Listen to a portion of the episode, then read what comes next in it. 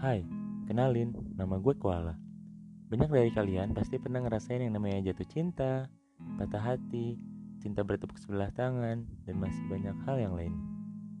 Di podcast ini, gue mau cerita banyak hal tentang relationship yang gue rasain sendiri, ataupun teman-teman di sekitar gue. So, stay tune terus di podcast Koala.